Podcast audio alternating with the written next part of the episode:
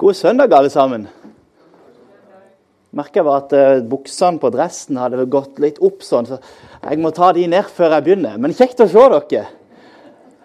Jeg skal, eh, jeg, dette halvåret her så har jeg hatt et eh, engasjement som forkynner i Farsund. og Jeg skal ut der etterpå og spille inn digital julaftentale. Derav dressen. Men jeg tenkte, Den letteste måten å transportere den fra Stavanger til Farsund er å ta den på seg. Og Det er vel ingen som er blitt satt i fengsel av å være ulastelig antrukket på fjerde søndag i advent. så Derfor har jeg dressen på. Og så skal, og så skal jeg ut der etterpå og holde den talen jeg skal holde for dere nå digitalt. Jeg har fått lov av Sten å få en generalprøve her her. Og Jeg har jobba mye med denne talen. Jeg har vært utrolig spent på denne her talen. Så nå tenkte jeg det var trygt og godt å ta den her blant vennene først. Er ikke det greit? Så eh, kjekt å se dere. Så la meg be en bønn. Og så får vi se hvordan dette her barker i vei. Jesus, takk for at du er her. Takk for jul. Takk for fjerde søndag i advent. Og takk for at vi kan få lov å samles på denne her måten. Det har vi fått erfare at det er ikke en selvfølge. Så jeg takker deg for hver enkelt som er her. Jesus, tal til hjertene våre. Vis oss mer av hvem du er, og hvor stort det du har gjort for oss i jula, er. I Jesu navn. Amen. Vi går eh, julaften i møte, uka som kommer. Og en av de tingene som mange har sterke følelser for når det kommer til julaften, det er julemat. Jeg vet ikke hva du spiser på julaften, om det er grøt, Grandiosa, pinnekjøtt, ribbe eller kalkun eller juletorsk. Men uansett hva du spiser eller foretrekker, så tror jeg at eh, vi kan være enig i at det er forskjell på julemat og julemat. Hvis du kom til bords på julaften og forventa å finne en stor, fin tallerken med pinnekjøtt, så kan det hende du hadde blitt skuffa hvis det var juletorsk som var på tallerkenen.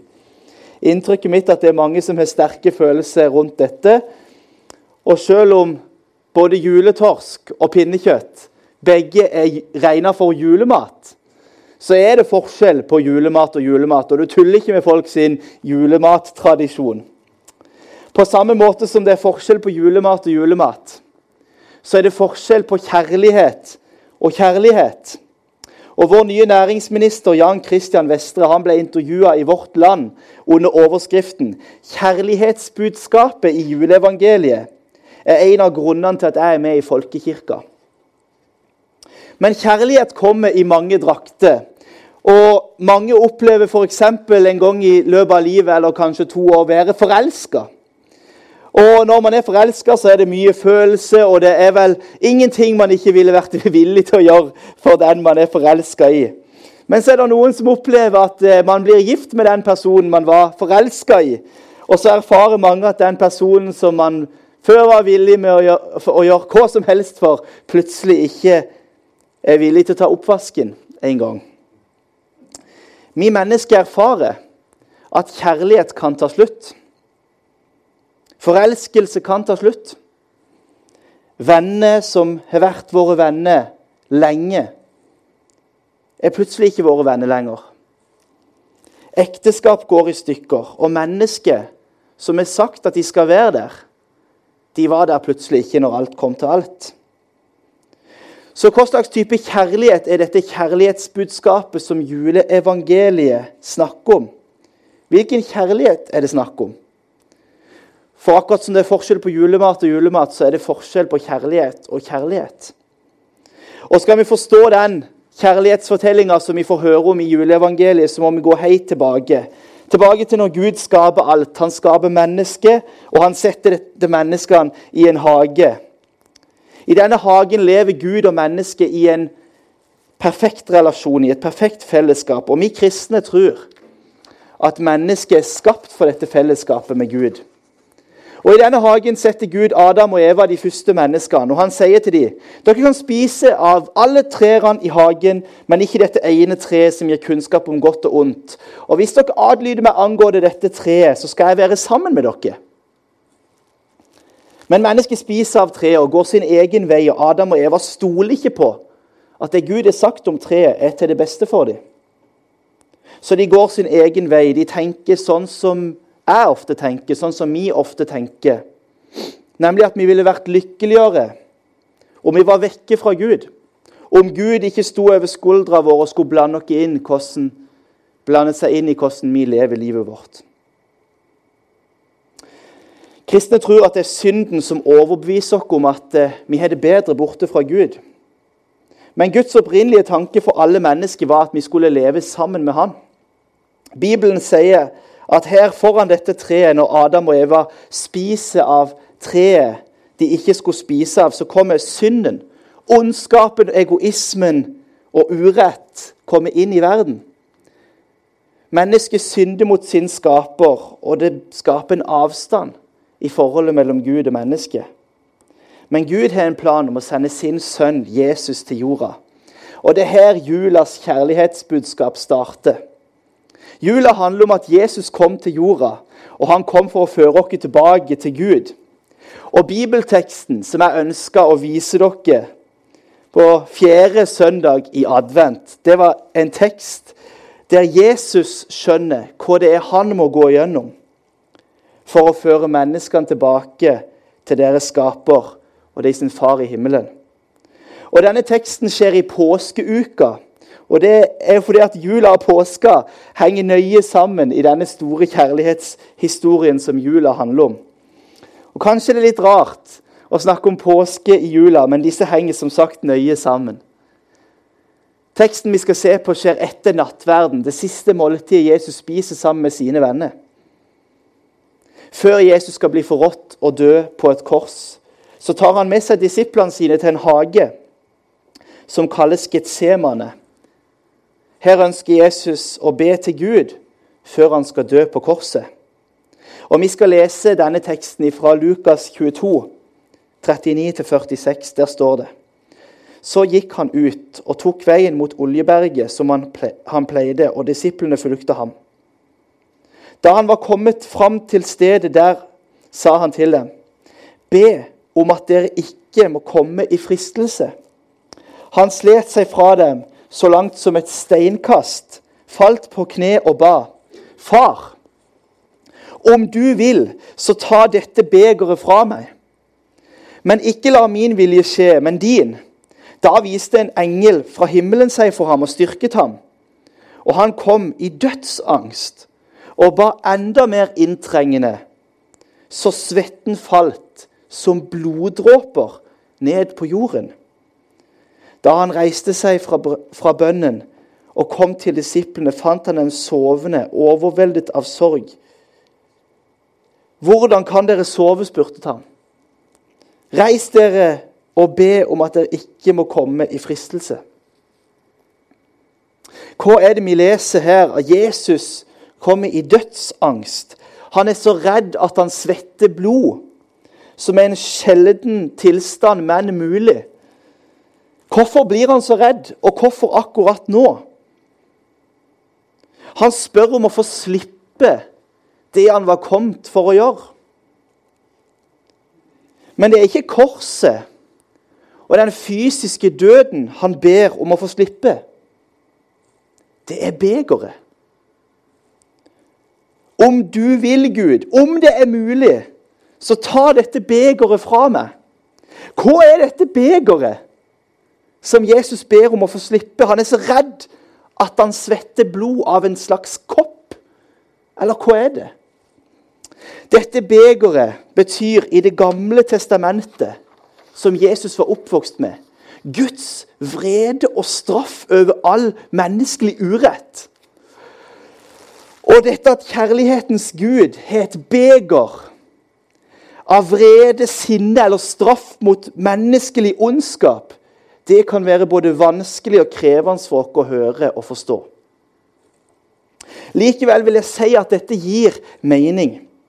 For hvis det er én ting jeg har fått med meg, så er det at det finnes mange mennesker som har mye vrede, sinne, frustrasjon og fortvilelse over det Bibelen kaller synd, urett og urettferdighet i vår verden.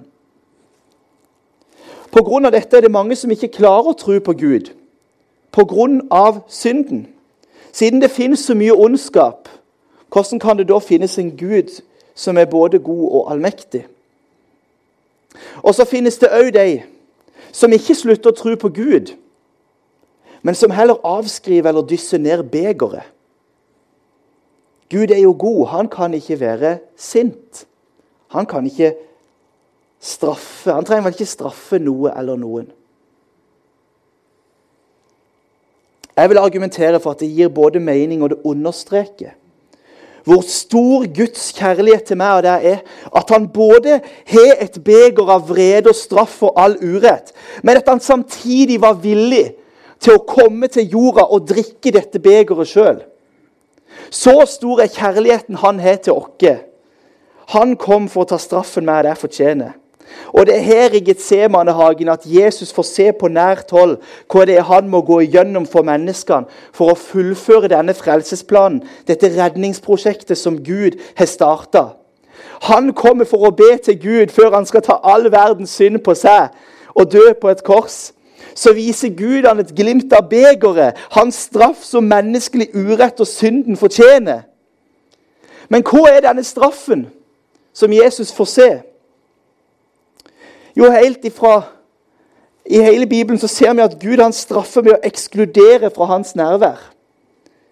Helt fra de første menneskene valgte å gå sin egen vei, så har Gud sagt hvis du vil være vekke fra meg, så er det greit. Du skal få lov til å være vekke fra meg. Og det er dette Jesus får se. Han får se en tilværelse totalt uten Gud.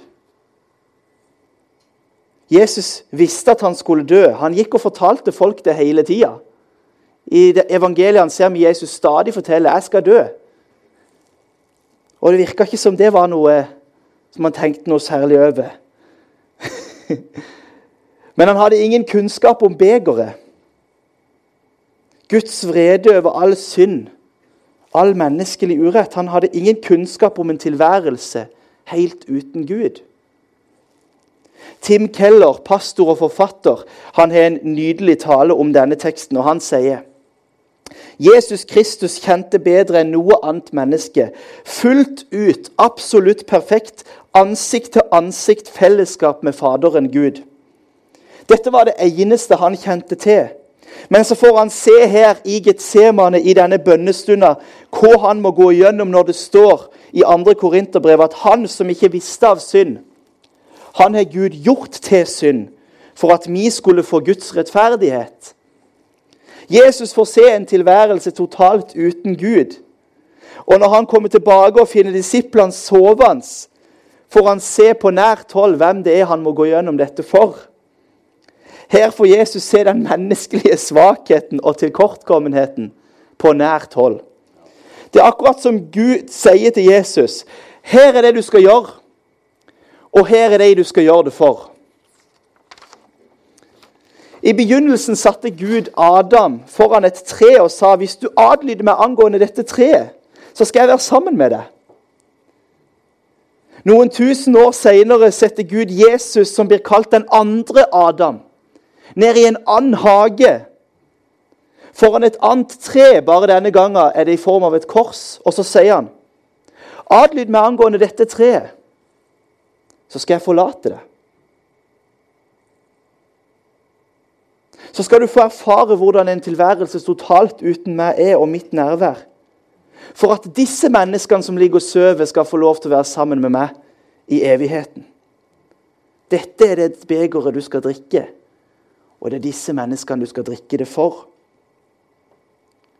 Hvorfor svetta Jesus blod i denne hagen? Jo, fordi ingen har noen gang møtt en død sånn som Jesus. Fordi Jesus gjorde det en gang for alle. Jesus kom for å bli forlatt av Gud for at vi aldri skulle bli det. Ingen har noen gang vært totalt forlatt av Gud. Selv ikke den mest hardbarka ateisten har noen gang levd en eneste dag på jorda helt forlatt av Gud.